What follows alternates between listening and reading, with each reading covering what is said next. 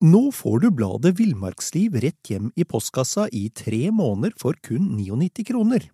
I Villmarksliv kan du lese om norsk natur, ærlige tester av klær og utstyr, og mange gode turtips skrevet av erfarne friluftsfolk, fiskere og jegere. Send SMS VILL36 til 2205 og motta bladet allerede neste uke. Lev livet villere med bladet Villmarksliv. Hey, it's Danny Pellegrino from Everything Iconic. Ready to upgrade your style game without blowing your budget? Check out Quince. They've got all the good stuff shirts and polos, activewear, and fine leather goods, all at 50 to 80% less than other high end brands. And the best part? They're all about safe, ethical, and responsible manufacturing. Get that luxury vibe without the luxury price tag. Hit up quince.com slash upgrade for free shipping and 365 day returns on your next order. That's quince.com slash upgrade.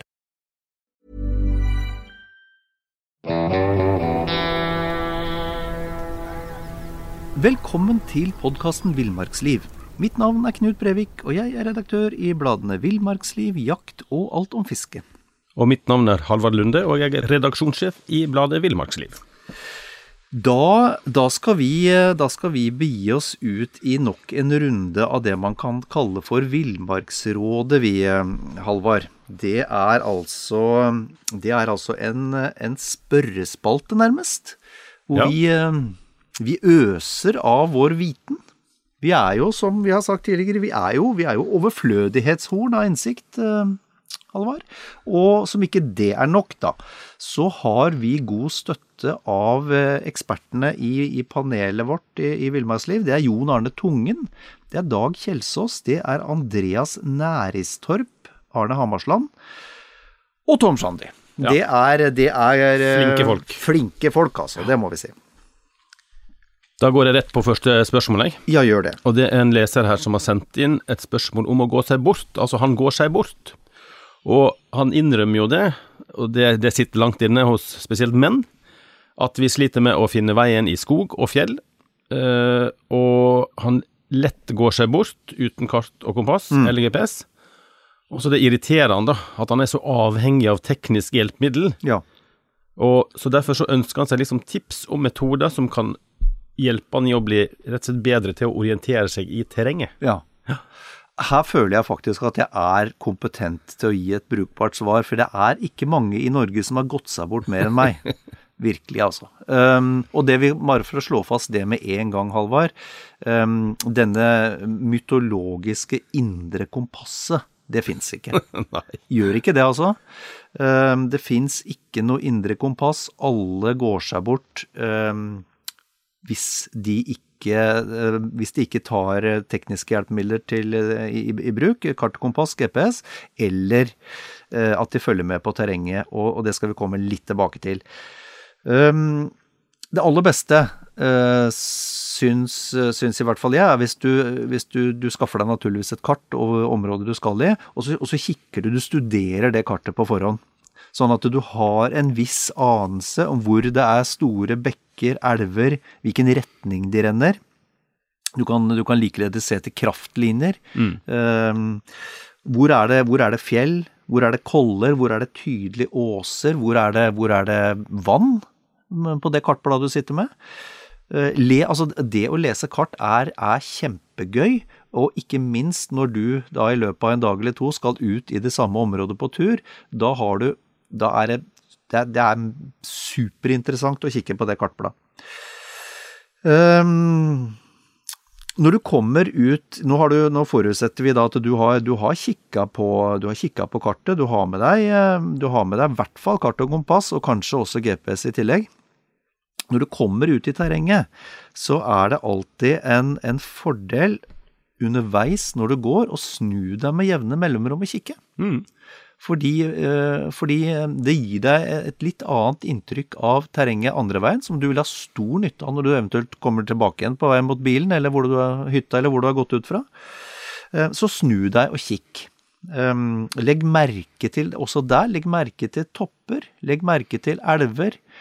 Prøv, prøv, å, prøv å ha ha det liggende som en sånn fast standard når du går på tur, at du bruker øynene dine aktivt og ser etter kjennemerker i terrenget. Kjempeviktig, ikke minst når du skal tilbake. Merk deg også vindretningen eh, når du går inn i, i, terrenget. Hvis det blåser stabil norda, så er det jo greit. Nå kan Eller eh, søra, for den saks skyld. Men, men ofte så er øh, vindretningen er forholdsvis stabil. Den kan endre seg i løpet av dagen, det skal vi ikke, skal vi ikke se bort fra. Men det, som regel er den ganske stabil.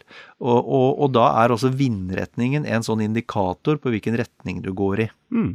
Um, en, en, en, annen ting som, som er Altså, er, er, sola på himmelen, så er det jo greit. Altså klokka tolv, sånn pluss min, litt avhengig av om det er sommertid ei, eh, men sånn rundt tolv så står den jo sør. Mm. Eh, og da er nødvendigvis motsatt retning nord. Alt Alltid greit å vite. Skulle det være sånn at du tuller deg bort, og for å gjenta meg selv, det har jeg gjort noen ganger um, og hvis du er i helt ukjent terreng og, og, og, kanskje ikke har lest det kartet så nøye som du skulle, eller for eksempel at det legger seg at det legger seg tåke, massiv tåke f.eks. i fjellet, det spiller nesten ikke noen rolle hvor, hvor, nøye du har lest det kartet. altså for Har du, har du fem meters sikt, så tuller du deg bort mm. hvis du ikke går på en kompasskurs eller går på en, på en GPS. Hvis så ille skulle være at du ikke har tilgang til noen av delene. Du har eh, GPS-en din er gått tom for strøm, det hender det rett som det er det gjør, og du eventuelt har, har lagt igjen kart og kompass i hytta, så er det en eh, veldig sikker måte å følge elver eller bekker. Da går du ikke i ring, de renner sånn hovedsakelig i en retning. Så følger du, følger du en elv eller en bekk, så er på et eller annet tidspunkt så treffer du en vei. Mm. Eller en kraftlinje. Men i hvert fall du sikrer at du ikke går rundt i ring, for det er det vi tenderer å gjøre når vi går oss bort. Um, og så har du disse gamle speidertipsene, og de er ikke dårlige. altså Dette med at uh, Hvis du legger merke til det, og legg gjerne merke til det go i godvær, når du på korte turer i nærområdet f.eks., se hvor maurtuene ligger. De ligger alltid plassert sånn mot, mot sør. Sånn at de kan få mest mulig sol og energi i løpet av dagen. Mm. Og likeledes det med, med, med, med grantrærne. Så er de, er de frodigst på sørsida. Um, og, men bare for å av, avrunde, det her ble et ganske langt svar, merker jeg, sånn skal jeg avrunde. Men, men det er veldig lurt, altså. I, i klarvær, godvær, i ter, på turer i nærområdet, så tenk på noen av disse tingene. Snu deg, kikk deg bakover.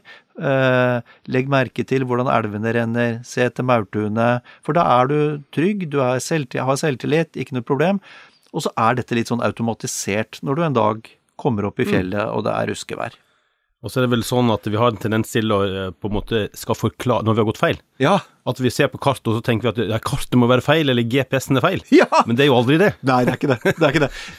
Og så bare får jeg føye til en ting der. Jeg har gått meg så bort og vært så forvirra i fjellet at jeg på et tidspunkt vurderte, det tror jeg fortalte deg før, da vurderte jeg er det mulig at vannet kan renne oppover. Ja. Fordi jeg var altså 180 grader feil, ja. feilorientert, og jeg var helt sikker på at jeg hadde rett. Ja. Så da måtte vannet, vannets retning måtte være feil. Ja. Ikke sant? Så så tullete er det mulig å bli. Altså. Det blir surrete. Ja. Du, du, går og tenker det må jo være den kollen der, og ja. det må jo være det vannet der. Det er ikke det, vet du. Nei, det er feil. ok, det var, et, det var, et, langt svar på et godt spørsmål. Um, vi har fått et annet spørsmål, og det, det går på pakkeliste til fisketuren. Vi er en kompisgjeng som skal på en uke lang fisketur i fjellet til sommeren.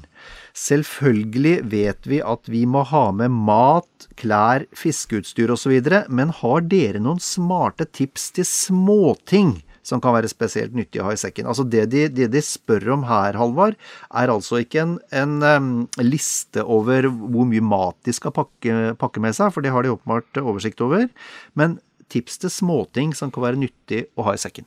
Ja, da har vi fått et eh, godt svar fra våre eksperter, og det er f.eks. Eh, småting som eh, myggmiddel. Gjerne, nå kommer de i forskjellige styrker, sånn, så du kan ha litt forskjellig både spray og olje og litt sånt i ja. forskjellige styrker. kan være smart. Førstehjelpsutstyr. Og en uh, type klippetang, sånn hvis du får en, en, krok i fingeren, da, eventuelt en liten knipetang, ja. så du kan klippe av eller få ut kroken. En liten saks kan være kjekt å ha. En har som regel med seg kniv, men en saks, en liten saks er fint. Eh, gjerne litt ekstra fiskeutstyr, som sene og nok sluker og spinnere og sånt. Eh, kanskje meitemark, da, hvis en skal, skal fiske. Eh, kanskje en ekstra kort teleskopstang. Det kan jo være hvis du, hvis du skal fiske i områder med masse, masse kratt, eller at de vanlige stengene blir for lange, eller at du knekker ei stang. Ja. Og så selvfølgelig solbriller, solkrem og, og sånn eh, gnagsårplaster er jo veldig greit. Og der er jo tips å ta på gnagsårplasteret først. Ja. Det første du gjør. Ja. Uh, og da vil jeg legge til et lite tips som jeg har veldig god nytte av, og det er, det er noe som heter gnagsårsokken. Oh, Det er en liten sånn halssokk som du tar på over hælen, og det er en gummiert innside, sånn at den sitter fast. Og det Jeg sliter av og til med gnagsår, men eh, husker jeg å bruke de sokkene, så får jeg aldri gnagsår. Så det blir en sånn slags kompid i sokkestørrelse, nærmest? Ja, faktisk. Ja, veldig, fungerer veldig bra. Ha. Og så har jeg et tips til, og det er hundeposer til søppel. Disse små posene, for da kan du komprimere søppelet ganske masse. Du slipper en stor pose å, å håndtere søppel, og det er lett å kaste når du da har mulighet til det. Scene, ikke minst, og sånne ting, ja. Ja. Mm, Mm. ja.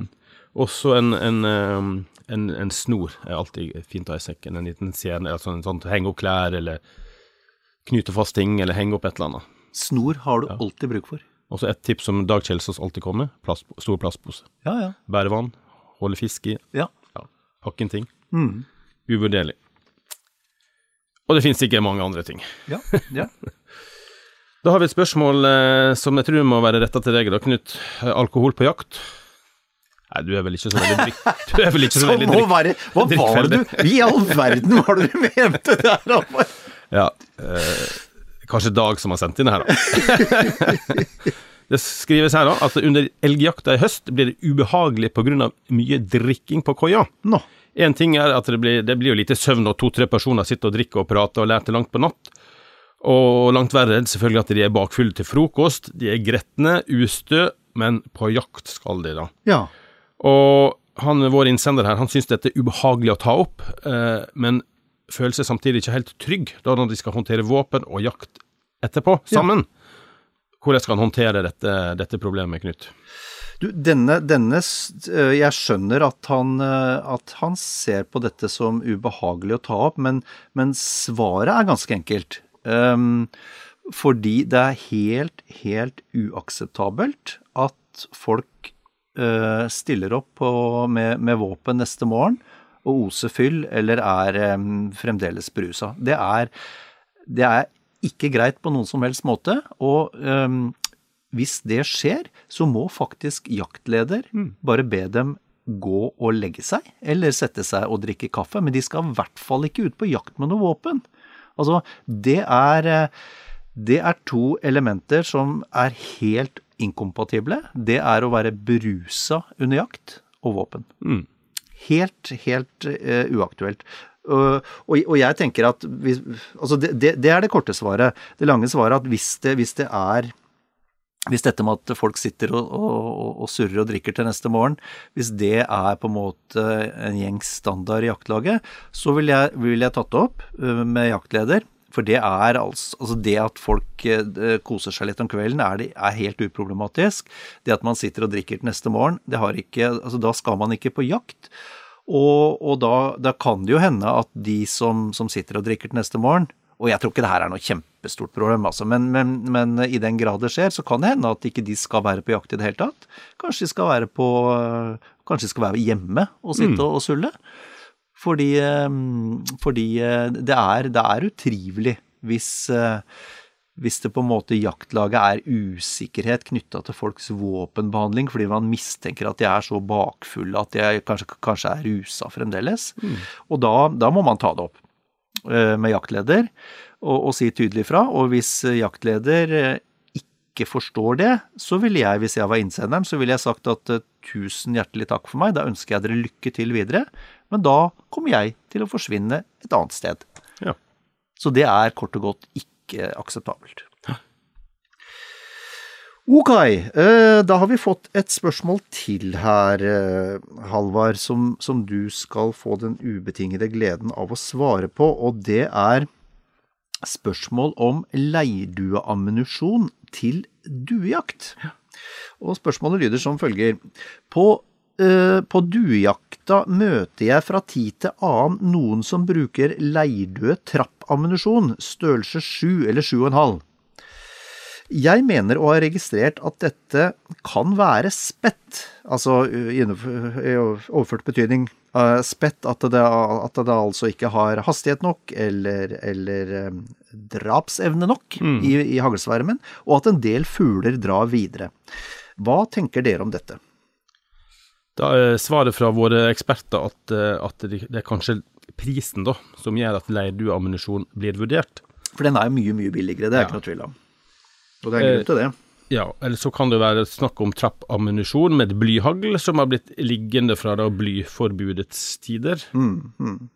Nå er jo for øvrig ja. de Nå det jo, kommer jo de tilbake igjen da ja. i løpet av 2023, bare så mm.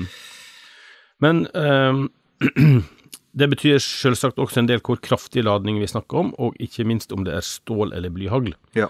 Så helt generelt er svaret fra vår ekspert eh, er erfaring at hvis duene går greit ned på lokkeduer nær kamuflasje, eller det jaktes på overflygere, er bruk av leirdueammunisjon greit så lenge det er snakk om kort hold. Ja. Og kort hold er da inntil 20 meter. Ja. På sittende fugl eller lengre hold er det bare jaktammunisjon som blir anbefalt da. Og du møter sikkert folk med andre erfaringer og meninger, men husk at det er særlig små stålhagl har liten energi på lengre hold, ja. blir det svaret her, da. Ja. Og her, her, vil jeg jo legge til for egen del, for jeg har jo jakta, jakta duer noen år uh, nå. Uh, jeg, jeg, syns, jeg, syns, man må koste på seg jaktammunisjon, altså. Mm. Jeg syns det. Ja. Det er uh, Ja. Yes. Nok om det. Da har vi et spørsmål her om fisk, og det er om brosme er ufisk. Og da må jeg bare si med en gang, tilstå, har spist masse brosme i oppveksten. Ja! Sikkert fordi det var billig. Ja! Men det var god fisk. Ja, ikke sant? Ja, Og det er jo svaret her, da. Eller spørsmålet Da tok jeg svaret først, og så tar vi spørsmålet. Det er sånn Jeopardy. Og da er spørsmålet her Jeg har fiska sporadisk flere steder gjennom et langt sportsfiskerliv. Og nesten overalt opplever han da at uh, den innsenderen at brosme ikke blir regna som særlig til matfisk. Eh, også yrkesfiskere fisker helt annen fisk. Men, eh, men denne innsenderen er jo sammenfaller med min erfaring, at uh, brosme er en bra matfisk. Så hvorfor, hvor kommer denne skepsisen fra? Ja, det er, det er absolutt et, et, relevant spørsmål. Og, og, det er ikke lenge siden, siden breiflabb og, og, steinbit Altså Jeg husker fra min egen oppvekst da vi fikk um, stor steinbit. Mm. Så det ble bare slått i hjel og vippa over bord. Jo, for den var stygg. Ja. Og når den er stygg, da smaker den ikke godt. Det var på en måte Det var ufisk. Ja. Um, så, så, så, det her, det her har vært eh, det har vært litt sånn kutyme rundt at jo styggere fisken er, dess større er sannsynligheten for at folk tror den ikke er spiselig. Mm. Og så er det kanskje stikk motsatt. Ja. Det er jo fantastisk Både breiflabb og steinbit er fantastisk matfisk. Eh, og også, også eh, brosme, etter min oppfatning. Men i hvert fall um, det henger nok litt igjen fremdeles, eh, og, og kanskje er det Brosmas sleipehud, på en måte, utseendet som er grønn. Eh, fordi de fleste av oss, nå har jo du allerede erklært din kjærlighet til Brosme som ja. Nå får du bladet Villmarksliv rett hjem i postkassa i tre måneder for kun 99 kroner. I Villmarksliv kan du lese om norsk natur, ærlige tester av klær og utstyr, og mange gode turtips skrevet av erfarne friluftsfolk, fiskere og jegere. Send SMS VILL36 til 2205 og motta bladet allerede neste uke. Lev livet villere med bladet Villmarksliv. There's never been a faster or easier way to start your weight loss journey than with PlushCare. PlushCare accepts most insurance plans and gives you online access to board-certified physicians who can prescribe FDA-approved weight loss medications like Wigovi and Zepbound for those who qualify. Take charge of your health and speak with a board-certified physician about a weight loss plan that's right for you. Get started today at plushcare.com slash weight loss. That's plushcare.com slash weight loss. plushcare.com slash weight loss. Som matfisk, og jeg er enig, det er en utmerket uh, matfisk. Med så hvitt, fast kjøtt kan du spise den både kokt og stekt. Uh, og du kan, du kan, uh, du kan frityrsteke den også, som i, i, form av sånn nuggets, mm. nærmest. Mm. Så, så, og brosme brukes jo, brukes jo mye til lutefisk, faktisk. Så eh, i tillegg til at du kan bruke den til fiskeboller, fiskekaker og annen mat. Så, så det, er ingen grunn, det er ingen grunn til å, å, å verken kaste brosma eller betrakte den som noe mindre verdifull enn annen fisk. Brosma er en aldeles glimrende matfisk. Der, vi, der, der, må vi være tydelige, Halvard. Ja. Spis det med god samvittighet. Spis det med god samvittighet, ja. Ålreit. Da har vi kommet over på bekledning, et bekledningsspørsmål, Halvard. Det går som følger. Jakka puster ikke. Jeg bruker en allværsjakke som skijakke på fjellet om vinteren. Et problem er at jeg blir helt gjennomvåt av svette, selv om jakka skal puste i hermetegn. Fungerer ikke jakka, eller har dere noen andre tips? Ja. Da er svaret fra ekspertpanelet at, at, når vi går på ski, eller generelt er aktivt, da, så bruker vi jo hele kroppen, og vi produserer ganske mye varme. Mm. Noen mer enn andre. Og det som er problemet med alle sånne allværsjakker, at de kan, de kan, eh, fort bli litt for tett, sånn at en ikke slipper ut nok av overskuddsvarmen. Og da kan jeg også skyte inn noen sånne tekniske greier her. altså Avhenger jo av og, eh, eh, fuktigheten på innsiden og fuktigheten på utsiden, hvor godt den lufter, rett og slett. altså. Ok. Ja.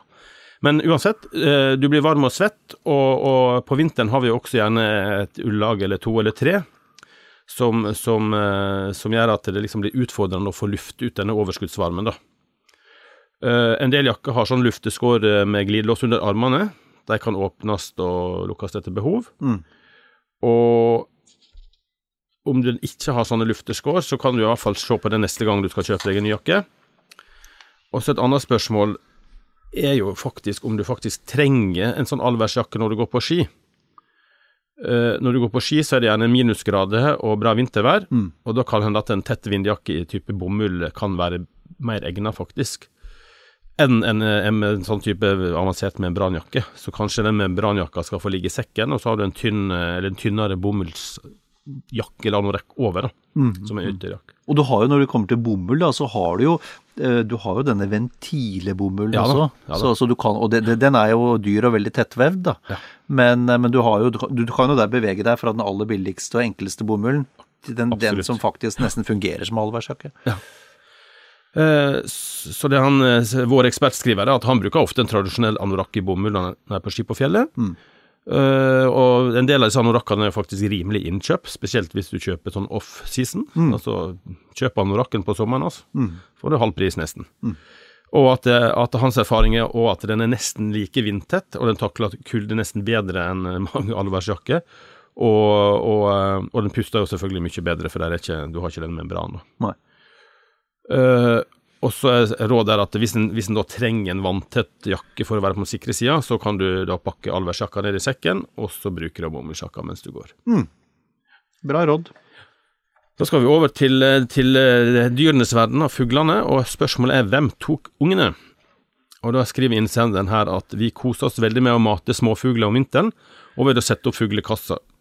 Og i våres hadde vi et par kasser der egga ble klekka og ungene mata, men etter en periode så var ungene plutselig vekk før de var flygedyktige, og spørsmålet er hva har skjedd? Ja, det er, det er jo interessant. Altså hvis, hvis kassene har åpningshull tilpassa småfugler, og, og, de er små, mm. så er det neppe mår eller, mekkorn, eh, eller, eller ekorn da, som har vært på ferde. Og, og kråkefugler vil vanligvis heller ikke komme til eh, med den type fuglekasser. Altså, I noen tilfeller så, så kan, eh, kan, spetten faktisk utvide inngangshølet så den kommer til. Um, fordi altså flaggspetten, eh, flaggspetten har, har appetitt for fugleunger, og, og, den kan trekke ut ungene med det lange nebbet når, når de strekker seg opp. For de, de tror det kommer mat, ja. så strekker de seg opp mot hølet. Og, og hvis spetten da, mm, flaggspetten, har, har fått utvida hølet litt, så kan få tak i dem. Aha. Og trekke dem ut én etter én. Så, og det er, derfor, det er, derfor, det er lurt å sette på metallbeslag, eller, eller spikre tett med pappspiker akkurat rundt hølet. For da blir det ikke så lett for, for, for flaggspetten å Akkurat. og åpne opp hølet. Så det, det, er vårt tips, da, at det kan være, det kan være mm, flaggspetten. Ja. Ok. Um, da er vi over på, på fiske, og rettere sagt uh, råd for øya. Spørsmålet går som følger Jeg er ikke fluefisker, og må derfor bruke sluk eller mark når jeg fisker i røyevann om sommeren. I noen vann som ligger opp mot fjellet, tar røya sporadisk på spinner, men særlig på stille vann ser jeg at fluefiskerne ofte får mer enn meg. Hvilke sluktyper anbefaler dere, spør, spør innsenderen. Ja, da svarer vår, vår ekspert at til røya er spinner nesten alltid bedre enn skjesluker. Og røya tar ofte bra når spinnerskeia har en kombinasjon av oransje og svart. Og om du bruker sluk, kan det fungere godt å henge på en enkelt krok eh, agna med mark eller maggot 10-20 cm bak slukene. Og med spinnutstyr så bruker vår mann har mest eh, tunge mormysker, som agnes med maggot eller en liten meitemark, som da jigges sakte inn. Med, eh, med tynt snøre og ultralett stang kan du da kaste ganske langt. Og du kan også prøve med nymfe og sakte synkende kastedypp. Og dette fungerer best med ei lang stang, og når du fisker ned mot bunnen. Ja. Og bruk gjerne nymfe med, med grått mønster, eller med innslag av rødt eller oransje, er svaret fra vår fiskeekspert. Nå. Og Da har vi tilbake til et jaktspørsmål her, og det er bruk av bil under jakt. Og det er hvor går grensa for bruk av motorkjøretøy under jakt? Der det er aktuelt, bruker alle bil for å komme seg fram til posten, og det er vi vel enige om at det er ok. Og alle vet jo at det er forbudt å jakte fra bil eller forfølge vilt med bil, men hva er grensetilfellet der jakta er i gang, og du ser på GPS-en at drevet på vei mot en post like ved veien et stykke unna, er det da greit å hive seg i bilen og kjøre dit for å komme seg i en bedre posisjon? Ja, det er, det er et interessant spørsmål. Altså, som, som innsenderen er inne på, så er jo viltloven helt klar på at det ikke er lov å bruke motorkjøretøy til forfølging av vilt. Det er også forbud mot å bruke motorkjøretøy til å avlede viltets oppmerksomhet eller til å lokalisere vilt. Og, og, og selvsagt er det forbudt å skyte fra motorkjøretøy, eh, eller fra eller over offentlig vei. Men det er faktisk ikke noe forbud mot å bruke GPS-sporing til å velge en ny eh, postplass, Og så forflytte seg dit for å øke fellingssjansene. Um, Da, da, da bruker du jo ikke primært bilen til, til verken å lokalisere eller, eller forfølge viltet. Um, og du går naturligvis unna bilen eller veien og stiller deg på den nye posten uh, når du kommer dit. Og, og da er du altså godt innafor loven, og det tenker jeg det, ja, det er fornuftig. Det er, er GPS-en som hjelper deg å se hvor losen går, uh, og det at du da forflytter deg lovlig langs vei med bil for å finne en ny post i terrenget, det tenker jeg det, det er fornuftig at det er lov. Ja. Ok, Um, da skal vi fra bil til gås, Uh, og spørsmålet er gåsa lokkes ikke ned.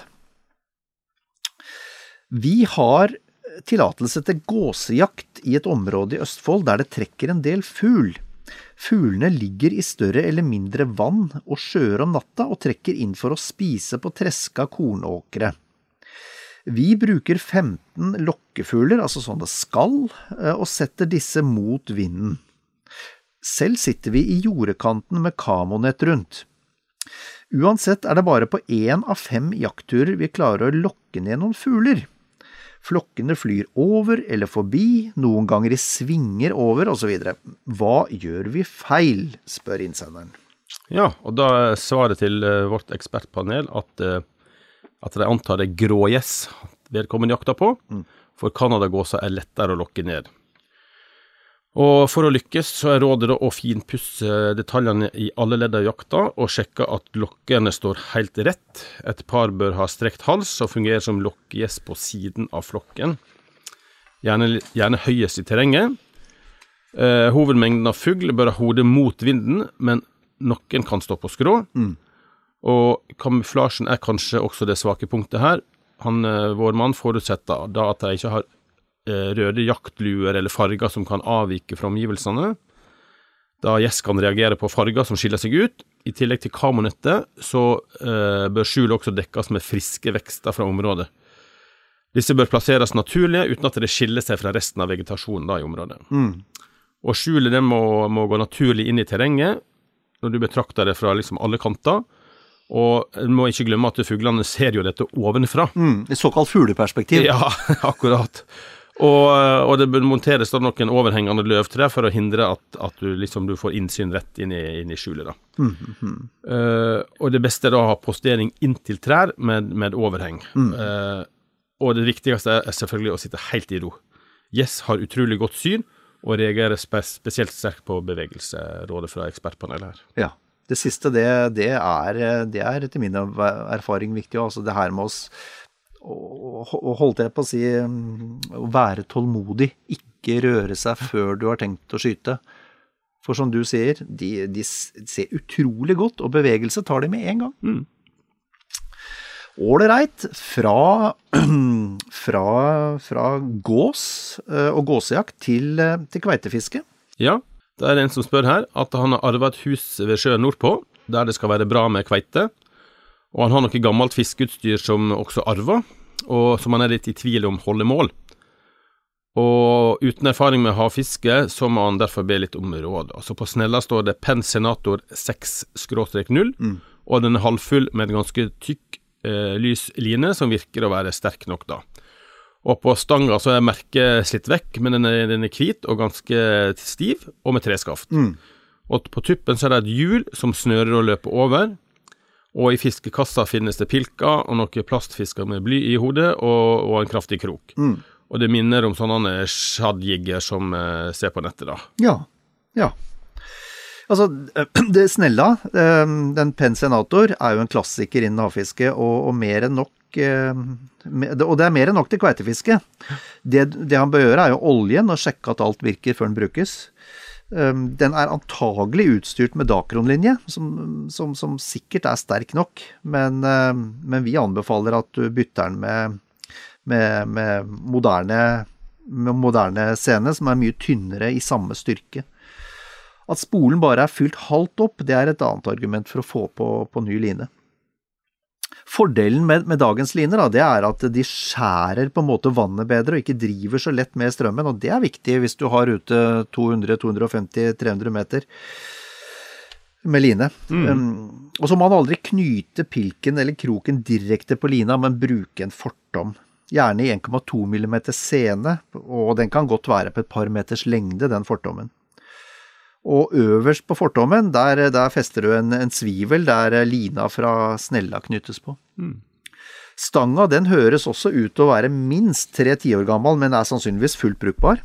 Dagens stenger de er ofte lettere og mykere, men, men om alt fungerer på, på, på den gamle stanga, så kan den være helt grei, altså, men du skal være klar over at den er, den er nok mye stivere enn det vi får i dag. Det han skal sjekke, det er at det ikke er noe hakk eller grader i ringene som kan, eh, som kan skade lina. Og, og for, å få, for å få kveite til hogget, så, så må han gjerne bruke en av, en av de jigga, men kanskje aller helst agna med en, en filet av sild, makrell eller sei, alternativt en, en, halv eh, halv makrell eller halv sild.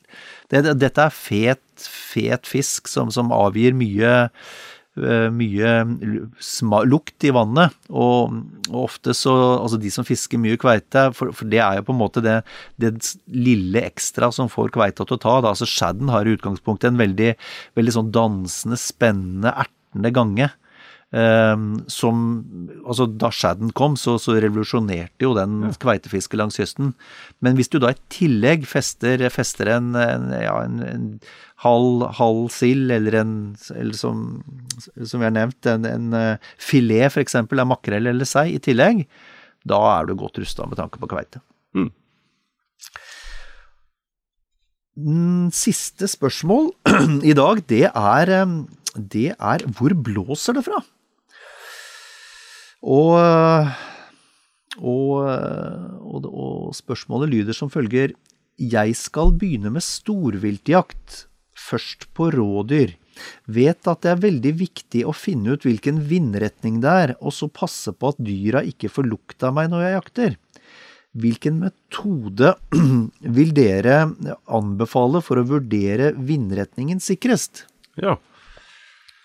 Da er svaret fra ekspertpanelet her at om det blåser friskt, så ser en jo gjerne på tre, trær og, og strå, hvilken vei eh, vinden blåser. Og så kan en eventuelt slippe, slippe fri litt bøss som en river ut av et tørt strå, f.eks. Mm. Og, og se hvilken retning det faller. Uh, vanskeligere er det hvis vinden er veldig svak. Uh, og tenne i, tenna fyrstikk kan være en, en, mulighet, som da slukker, og så, og så røyken driver av sted og viser vindretning. Mm, mm. Enkelte liker å ha en snusboks uh, fylt med potetmel i lomma. Mm og, og, eh, et lite hull i lokket, da, så kan du bare riste litt på den eller klemme, så vil pulveret drive av sted i vindretninga. Mm, mm. Og et gammelt triks er om, om du fukter en finger og holdes opp, så vil, vil den bli kaldest på den sida vinden kommer fra. Og sjøl skriver vår ekspert at han finner vindretninga ved å snu hodet sakte rundt, gjerne med fukta leppe, og da kjenner han da vinddraget mot, mot ansiktet. Ja. En, eh, ytterligere en eh, et tips vi kan føye til helt på slutten her, det er jo, det er jo å bruke sytrå sytråd på, på børsepipa di. Sytråd. Eh, 10-15 cm lang sytråd med litt av fjør, litt av dunfjør i enden. Ja. Uh, ulempen med den metoden da, det er at det funker jo ikke når det regner, for da blir jo fjøra ubrukelig. Men, men, når det er oppholdsvær, så er det en fin metode hvor du til enhver tid ser hvor, det, hvor vindretningen drar. Ja. Vet du hva, Halvard? Da tror jeg egentlig at vi har satt uh, våre fremragende lyttere i stand til å løse mer eller mindre alle livets utfordringer. Ja. Og det har vi gjort i løpet av en halvtimes tid. Fantastisk. Ja, det er fantastisk. Da, da tror jeg egentlig vi bare ønsker folk en, en riktig god uke videre. Og så skal vi legge til at hvis det er noen som har spørsmål til oss og det utmerkede panelet vårt, så kan de sende det til Halvard punktum lunde krøllalfa eggmont punktum com. Ha en riktig god uke videre, dere.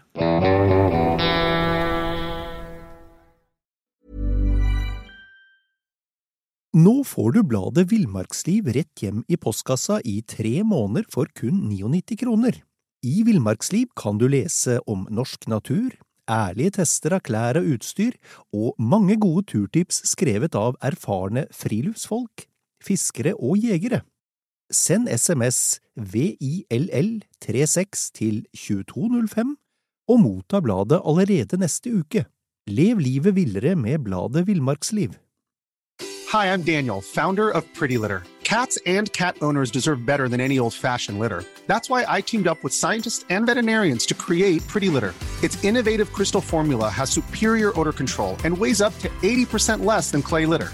Pretty Litter even monitors health by changing colors to help detect early signs of potential illness. It's the world's smartest kitty litter. Go to prettylitter.com and use code ACAST for 20% off your first order and a free cat toy. Terms and conditions apply. See site for details. Imagine the softest sheets you've ever felt. Now imagine them getting even softer over time. That's what you'll feel with Bowl and Branch's organic cotton sheets. In a recent customer survey, 96% replied that Bowl and Branch sheets get softer with every wash. Start getting your best night's sleep in these sheets that get softer and softer for years to come. Try their sheets with a 30-night guarantee. Plus, get 15% off your first order at bowlandbranch.com. Code BUTTERY. Exclusions apply. See site for details.